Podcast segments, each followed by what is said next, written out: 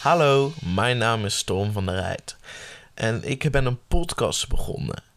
Ik ga namelijk jullie paranormale verhaaltjes vertellen die ik ben tegengekomen op Reddit of Twitter. Mijn eerste verhaaltje gaat over Alexander. Hij komt uit Amerika, Seattle. En dit is zijn verhaal. Mijn huis is gebouwd in 1904. Het is een eengezinswoning met een houten frame op een fundering van betonblokken. Ik woon hier ongeveer 12 jaar, maar van alle rare dingen die mijn broers en zussen en ik in dit huis hebben gezien of gehoord, is dit mijn favoriet. Dit is mijn broer overkomen. Ongeveer 10 jaar geleden waren mijn broer en zijn beste vrienden een garageband begonnen, die voornamelijk Spaanse rock speelde. Dat is alternatieve muziek, maar dan in het Spaans. Zijn vrienden konden alleen op zondagmiddag samenkomen. Ze oefenden tot in de vroege avond en meestal stopten ze om 8 uur. Dit was de tijd dat ik meestal thuis kwam en naar bed ging, omdat ik op een kerkhof werkte. Dit gebeurde in de herfst, dus de dagen werden korter. Ze hadden net een lange sessie achter de rug toen ze de beslissing maakten om naar iemands anders huis te gaan. Mijn broer gaf zijn sleutels aan zijn maatje, zodat ze de spullen konden inladen.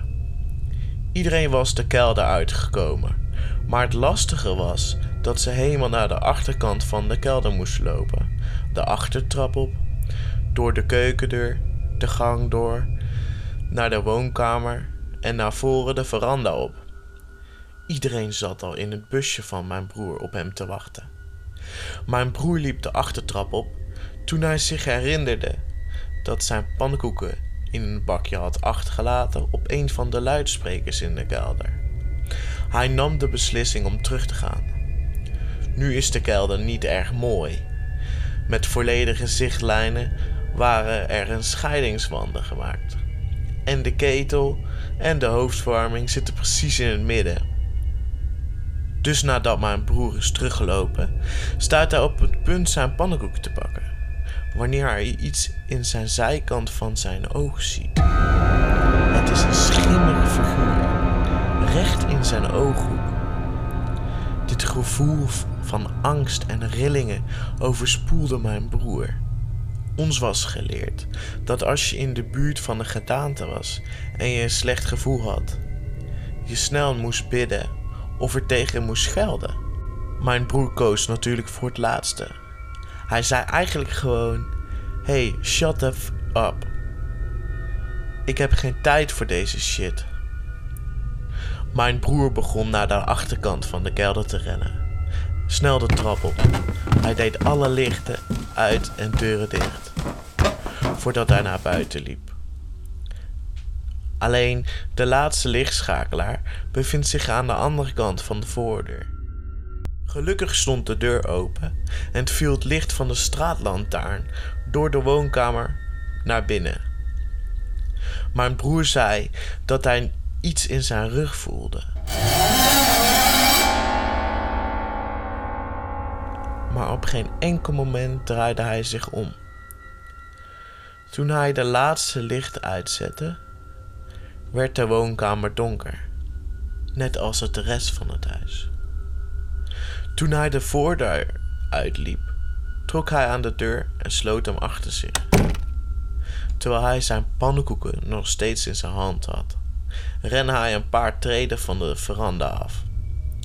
Hij liep naar het hek aan de voorkant. Ons huis ligt ver van de hoofdstraat af. En we hebben een grote voortuin, maar geen garage. Terwijl hij steeds dichter bij zijn vrienden kwam, glimlachte hij en dacht daarna in zijn hoofd. Boos op zichzelf omdat hij bang was geworden terwijl er helemaal gereden was. Hij klom in de chauffeurskant van het busje, deed zijn gordel om en maakte zich klaar om de parkeerplaats direct voor zijn huis uit te rijden. Toen een van zijn vrienden vroeg: Hé, hey, wacht eens, wat is er met je broer? Gaat hij niet met ons mee? Mijn broer antwoordde: Wat bedoel je? Hij is vanavond vroeg naar zijn werk gegaan. Hij is al weg. Zie je zijn auto ergens? De volgende vraag die zij stelde. Dus wie liep er dan achter je toen je het huis verliet?